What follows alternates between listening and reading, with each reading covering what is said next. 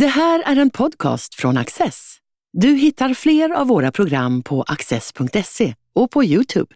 Mycket nöje!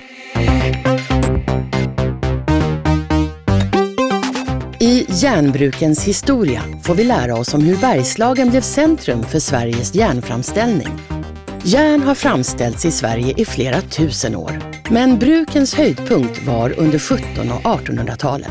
Nils-Johan Kärnlund är kulturjournalist och lotsar oss genom dess historia i intervju med Katta Neuding. Vilket praktverk den är, din bok. Det här måste ha varit ett nöje att jobba med. Det har varit en, en otrolig upptäcktsresa för mig in i, i brukens, som jag tycker då, förtrollande värld. Det, det är ju en, en industri som har skapat Sveriges välstånd, format det Sverige som, som blev och som har blivit idag.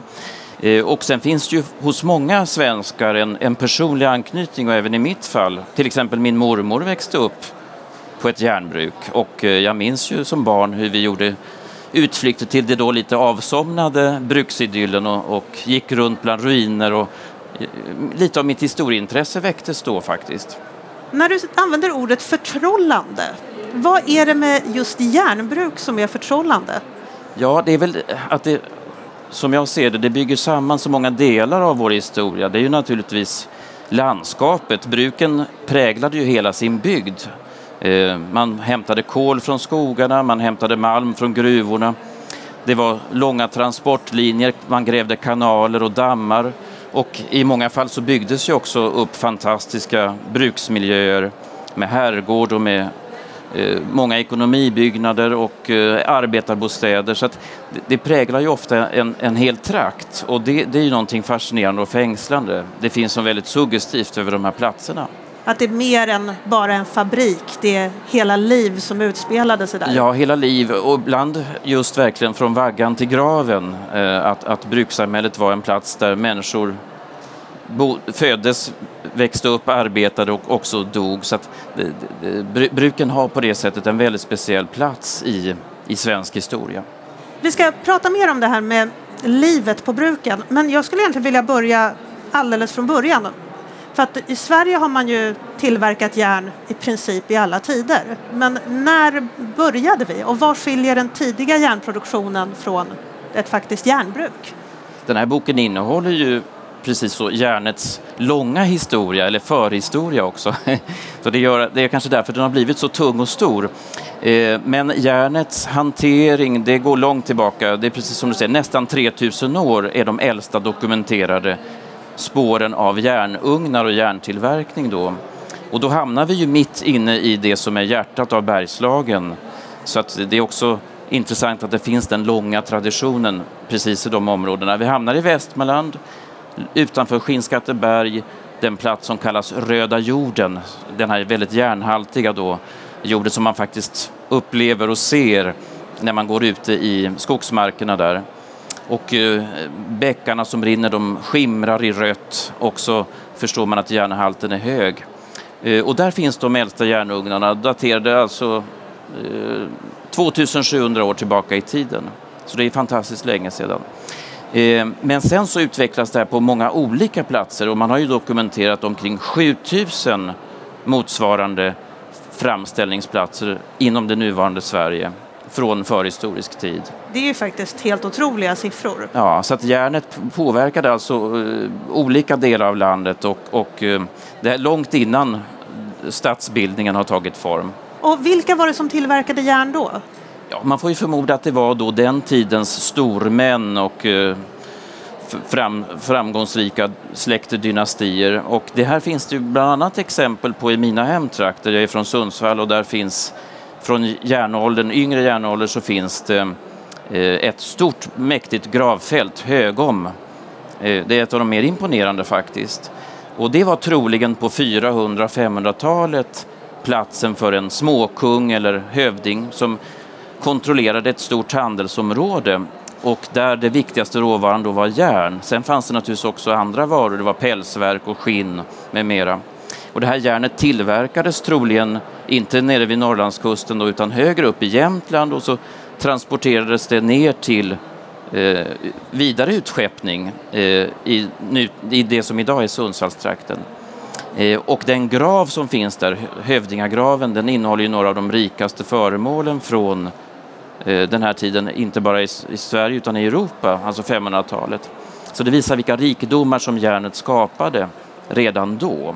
Och när kan man säga att den här ändå, nu pratar du om enorma eh, rikedomar, men det är ändå en småskalig tillverkning om man jämför med den här övergången till riktiga järnbruk som skedde sen. När kan man säga att den här eh, övergången till järnbruk skedde? Ja, precis. Då måste vi rulla ganska långt fram. Ja. Och det är det som är intressant, att det här påverkar så många olika tider. Så att innan man kommer in på bruken så är man ju långt tillbaka i historien. Vikingatiden är ju också präglad av järnets välstånd. Och det här, järnet har sin betydelse under, sen under medeltiden också. Det är då som de första masugnarna kommer till, hyttorna i, framförallt i Bergslagen först. Eh, och samhällets elit investerar i de här gruvorna och hyttorna Eh, Eh, så att man förstår att den tidens kungamakt och även präster och eh, kyrkan och andra som hade intresse av att eh, ut, utveckla sina rikedomar, de investerade i järnet. Men det är egentligen med Gustav Vasa som de första bruken anläggs. Det är då man kommer in ännu mer på förädling istället för att bara så att säga, producera råvara och exportera den så kommer man mer och mer in på smidesförädlingar. Och Gustav Vasa anlägger på 1500-talet då kronobruk Eh, och det har ju också att göra med att reformationen har skett på 1520-talet och framåt. Eh, kyrkans egendomar tillskansas av, av kungen och, och kronan. Eh, och kyrkan som hade ägt många eh, gruvor och hyttor, de införlivas då i kronans egendomar. Eh, och så kallar Gustav Vasa in många experter, framförallt tyska experter, som får hjälpa till att bygga upp bruk. Eh, både i Uppland och i Värmland på olika håll. Har man läst mycket om Gustav Vasa, vilket ju de flesta svenskar har, då vet man ju att eh, bergsmännen spelade ju en stor roll innan han blev kung, för, just för hans egna möjlighet att kunna bli kung. Vilka var de här bergsmännen? Det var ju de som eh, hade med järn att göra från början. Ja, man kan säga bergsmännen kan man nog nästan säga att de går kanske nästan ända tillbaka då till, på sitt sätt, ända tillbaka eh, många Eh, ja, ska vi säga, kanske ett par tusen år i tiden, även om det är under 1100 och 1200-talen som man kan börja urskilja en grupp. Eh, det vill säga de som ägnar sig åt gruvbrytning och åt tillverkning av järn i masugnar. Men de ägnar sig också åt jordbruk och skogsbruk och åt olika delar under året. Eh, så de är bönder och bergsmän i samma grupp. Och en del av dem blir ju med tiden mer förmögna och bildar lite av en egen grupp i samhället. Ehm, och så de blir också inflytelserika helt enkelt. Och de är väldigt måna om att det ska fungera med handeln med, med kontinenten och så vidare. Eh, Gustav Vasa tar ju hjälp av bergsmännen då för att bergsmännen var under 1500-talet lite oroliga för att Danmark och den danska kungen skulle kontrollera för mycket av den här handeln, att allting skulle styras mot Köpenhamn. Så att på, i, från deras intresse så var det väldigt värdefullt att eh, Gustav Vasa ville på något sätt freda och främja Eh, deras intressen. Vilket han gjorde till att börja med, men sen då, eh, några år senare, så hade Gustav Vasa också tillskansat sig mer makt över bergsmännens, eh, eh på bekostnad av bergsmännen ska jag säga. Eh, och kanske lätt utnyttja dem och göra sig av med dem som, som inte var lojala och så vidare. Därav många uppror sen mot Gustav Vasa så småningom. Men okej, okay, då är vi under, på Gustav Vasas tid och nu har vi de här järnbruken. Så. Då har vi de äldsta bruken, kronobruken. Sen kommer den viktigaste perioden för att skapa de moderna bruken, om vi så kan säga, det är under 1600-talet.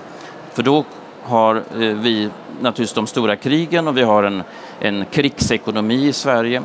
Eh, det krävs väldigt mycket pengar, det krävs också vapentillverkning och annat.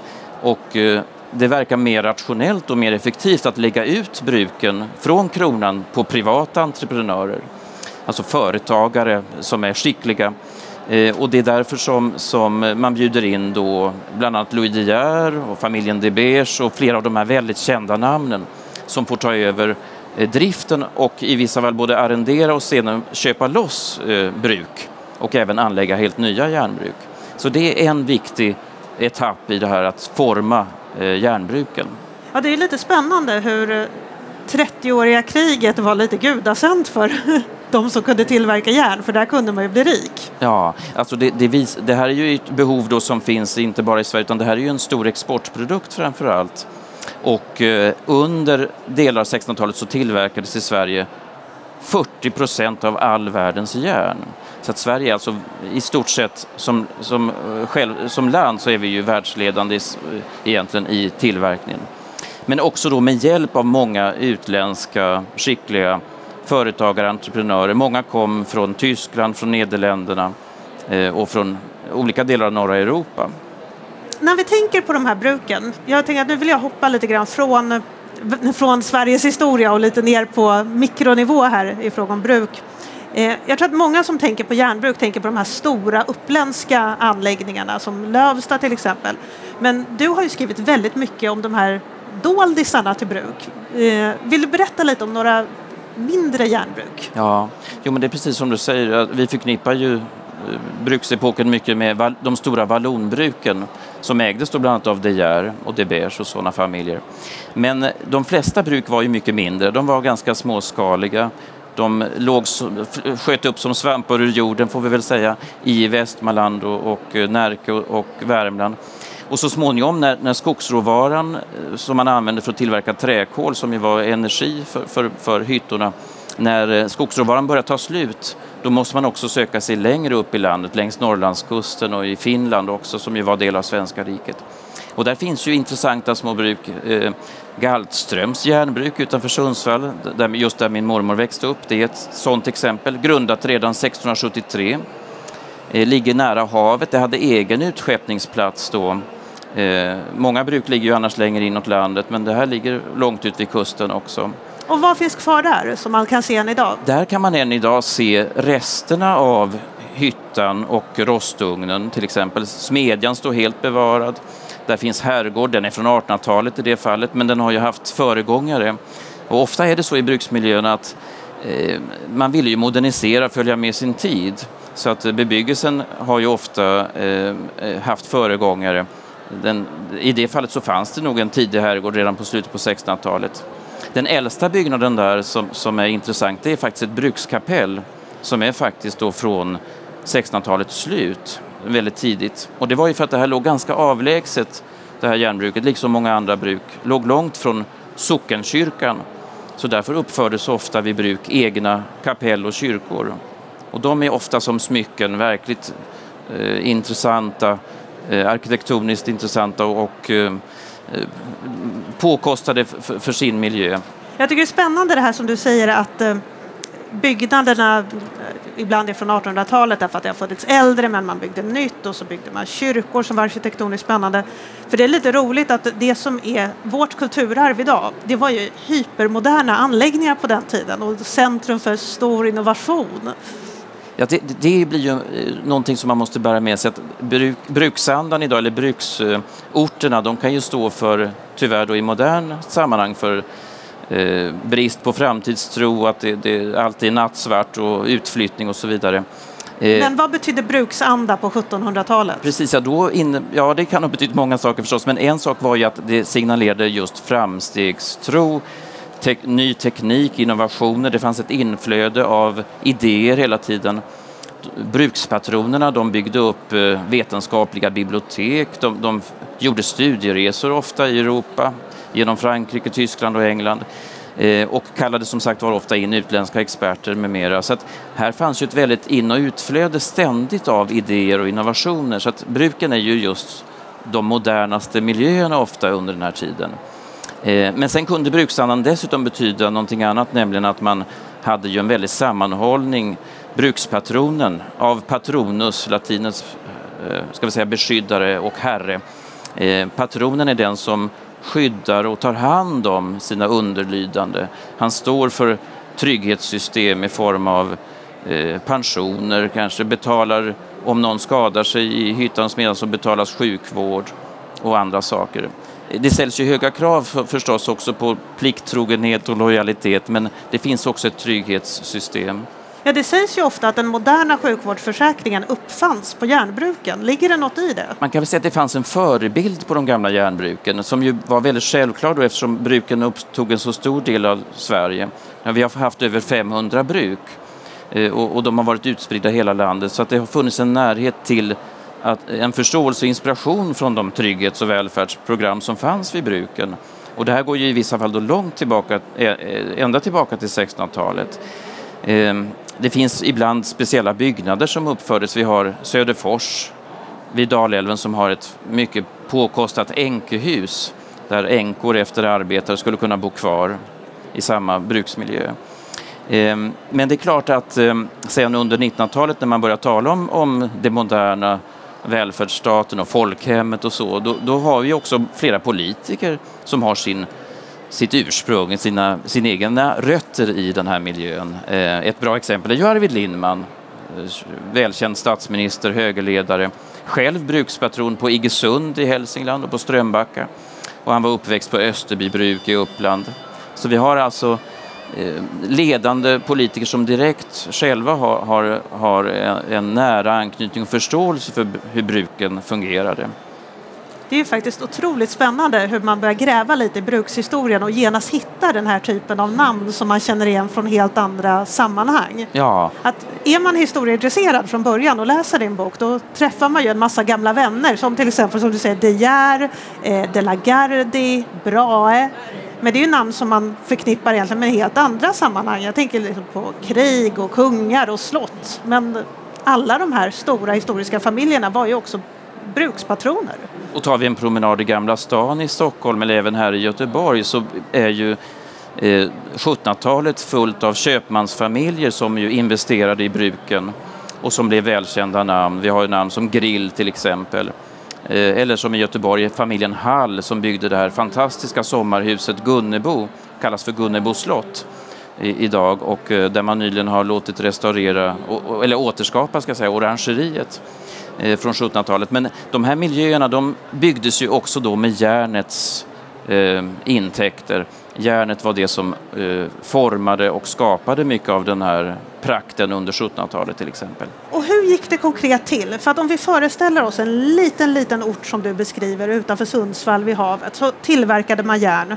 Eh, vart tog det här järnet vägen sen? Hur kunde det bringa så mycket rikedom till Sverige? Ja, de flesta bruk hade ju då ett, ett handelshus som en så kallad förläggare eller mellanhand så att man, man exporterade järnet via ett, ett uh, handelshus som sen hade då kontakter och filialer i, ibland också i, i, i norra Europa. Så du, du skickar först järnet till, till Stockholm?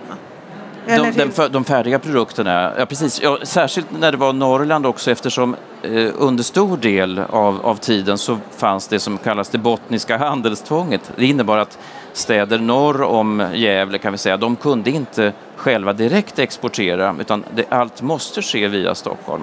Så, så, och det, det var ju lite hämmande just för Norrlandskusten länge. Det fördröjde nog utvecklingen av trävaruindustrin till exempel som sen blev jättestor i Norrland.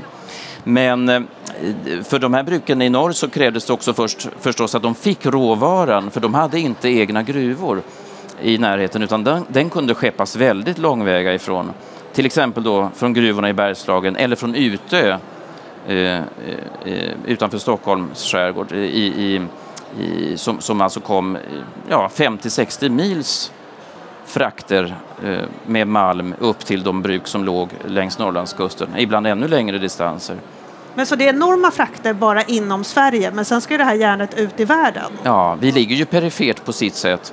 Eh, eh, naturligtvis, så att det här krävde då eh, och det visar väl att Sverige har ju varit en sjöfartsnation, alltså Sverige är omflutet av vatten. Vattenvägarna var de viktigaste även inne i landet.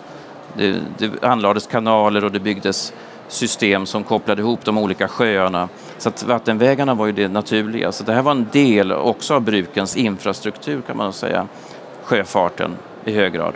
Men sen så gav sig järnet så långt ut i världen att du till och med har ett litet stycke som handlar om järnets roll i den internationella slavhandeln. Det är ett väldigt litet kapitel ja, ska jag men säga, men det finns absolut. För det här kan man utveckla mycket mer och det har ju vissa forskare gjort. Ofta var det ju så att det skeppades ju inte direkt från Sverige och vidare till exempelvis till Afrika utan det gick via England eller något annat land som transithamn. Så att en del eh, produkter som var tillverkade till exempel av svenskt järn, de i sin tur skeppades eh, vidare till eh, kolonier. Och ehm, vi hittar nog inte så många exempel på där det har gått en direkt förbindelse då mellan Sverige och, och de här ska vi säga, plantagerna eller vad det kan ha varit. Så det finns naturligtvis på det sättet mycket outforskat troligen också. Man skulle fortfarande kunna eh, hitta mycket mer uppgifter om det där. Ja, men hur hittar man de här uppgifterna? Hur har du gått tillväga för att få fram all den här informationen? Ja, det här är ju en bok som, som för det första innehåller den ju väldigt mycket också om, om ett bruk, Engelsbergs i Västmanland. Och där är det ju Eh, Eh, ett stort arkiv som innehåller material om bruket. Men sen finns det ju andra arkiv naturligtvis. Eh, och eh, sen har det skrivits mycket om bruken men det här är väl ett sätt att försöka också sammanfatta mycket av den litteratur som finns. Det finns ju många specialstudier om enskilda bruk som har gjorts under både 1800 och 1900-talen. Så att det handlar mycket också om att, att ta till sig av, av vad forskare har skrivit om bruken naturligtvis. Och sen är det en bildrik bok, så det innehåller väldigt mycket av eh, ska vi säga, nyfunna bilder, eh, konstverk, målningar och eh, teckningar och annat som skildrar brukslivet på alla sätt. Ja, för det ska man inte underskatta hur, vilka konstskatter som finns på många av de här bruken än idag. Ja, bruk, dels att bruken blev avbildade av konstnärer. Brukspatroner bjöd ju gärna in den tidens ledande konstnärer för att avbilda de här bruksmiljöerna. Ehm, de ville förstås föreviga det som hade skapats. Vackra parker och trädgårdar, herrgården och, och eh, även industrimiljöerna. Så det här är ju ett sätt ibland att komma nära den tidens samhälle just genom eh, måleri och, och eh, eh, intressanta avbildningar. Men sen fanns det också konstsamlingar av, av eh, utländska mästare som, som fanns på herrgårdarna till exempel. Så det är också ett sätt att, att förstå att, att det här var konstfulla miljöer på olika sätt och vis. Mycket av det är skingrat idag förstås. Eh, jag kan tycka att det är så svårt att få ihop bilden av livet på ett järnbruk om vi tänker 1700-talet. Vi har ju å ena sidan det här som du berättar att det fanns enorma konstskatter, det fanns enorma bibliotek, man hade någon sorts sjukförsäkring, eh, änkehus, eh, man får lite känslan av att brukspatronen väldigt mycket tog hand om sina anställda, att man hade ett hyfsat liv. Men det finns ju väldigt många skönlitterära skildringar som visar något, något helt annat. Om man tänker något så enkelt som eh, bokserien om Kulla-Gulla, eh, som jag tror att många har läst, eh, så lever hon i ett torp som hör till ett bruk och de, på torpen har de ju det fullständigt eländigt eh, medan livet på bruket verkar ganska behagligt jämfört. Jag vet inte, är det en trovärdig skildring? Det, det, alltså vi, vi ser väl under 1800-talet att det blir ju större och större skillnader för de här bruken växer, det blir större anläggningar, det blir mer eh, ska vi säga, skiftande växlingar mellan eh, bruk som slås ut framför allt. Alltså många mindre bruk klarade ju inte omställningen till nya teknikskiften. Eh, de hamnade kanske långt bort från nyanlagda järnvägar och blev omkull, äh, ska vi säga, förbisprungna på det sättet. Och eh, det vill säga, det var inte så fett vare sig på herrgården eller i torpet på vissa bruk. Och det, det blev väl utslagsgivande i en del av de här skildringarna, kan man tänka sig. Sen är det klart att, att det var stora skillnader mellan hög och låg och, och, och det, det, är väl det som manifesteras inte minst i de här praktfulla miljöerna. det, det fanns ändå en ska vi säga, Eh, det fanns en gemenskap och en, en fostran så att säga som, som utgick från patronen och alltihopa vilade mycket på kristen etik och ja, kristendomen egentligen också. Det ska man inte glömma bort. Att alla visste sin plats i den här eh, pyramiden. Eh, och, och därför så kunde man säkert fördra det i, i, på olika nivåer. Men det här ändras ju sen när man börjar ja, under inflytande av liberala och, och socialistiska strömningar i slutet av 1800-talet så, så, så, förändras ju eh, ska vi säga, synen på, på hur samhället ska se ut.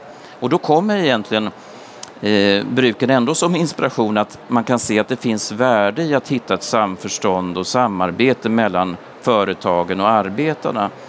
Det kan alla tjäna på i längden. Så det är så jag tror vi hittar den här svenska kompromissen så småningom att vi finner folkhemmet skapas, vi finner en, en väg där fortsatt stora företag bygger upp, eh, som Sandviken, Avesta och Bofors, de bygger upp stora eh, trygghetsprogram i privat regi som finns kvar långt in i vår, nästan i nutiden. Eh, och eh, att det här i sin tur återspeglar då hur, hur man hade sett på både eh, omvårdnad och lojalitet vid, vid bruken längre tillbaka. Ehm, så visst hänger det där ihop, men sen att vissa naturligtvis också hamnade utanför det, det, kan man inte blunda för, att det fanns exempel på. Att det kunde vara dåligt skick på bostäder, att det kunde vara dragigt och kallt och det blev iskanor inne på golven i vissa smedstugor, beskrivs det på vintern och så.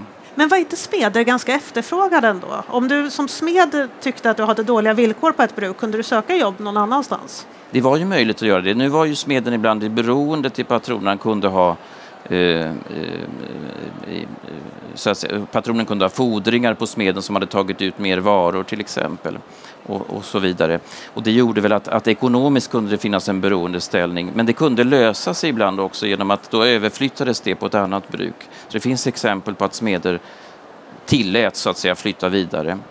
Eh, och en del kunde ju göra det utan vidare naturligtvis också, eh, utan, utan några sådana uppgörelser.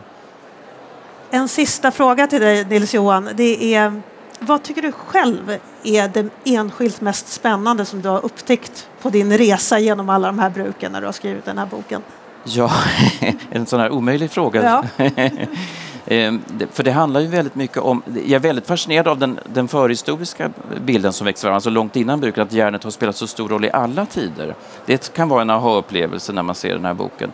Men, men sen är det förstås att, att Eh, mycket faller på plats då i vår egen historia för att jag tror de flesta av oss har en anknytning till bruken och eh, att man börjar se ännu tydligare att så många roller som är kopplade till bruket, eh, så många typer av, av yrken och arbeten och, och ända in i städerna där ju fanns järntorgen och handel med järn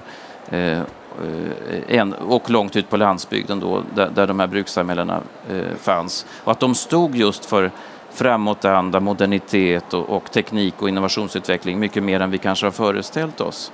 Det, det, det, har nog blivit också lite stärkt när jag, för min egen del när jag tittar på det här. För det är så väldigt mycket historia som ryms på en plats när man besöker ett bruk. Ja, det blir verkligen en, en, en hel mikrohistoria som, som man kan få fånga hela samhällsutvecklingen i ett bruk många gånger. Nils-Johan Kärnlund, stort tack för att du har kommit hit. Tack så mycket.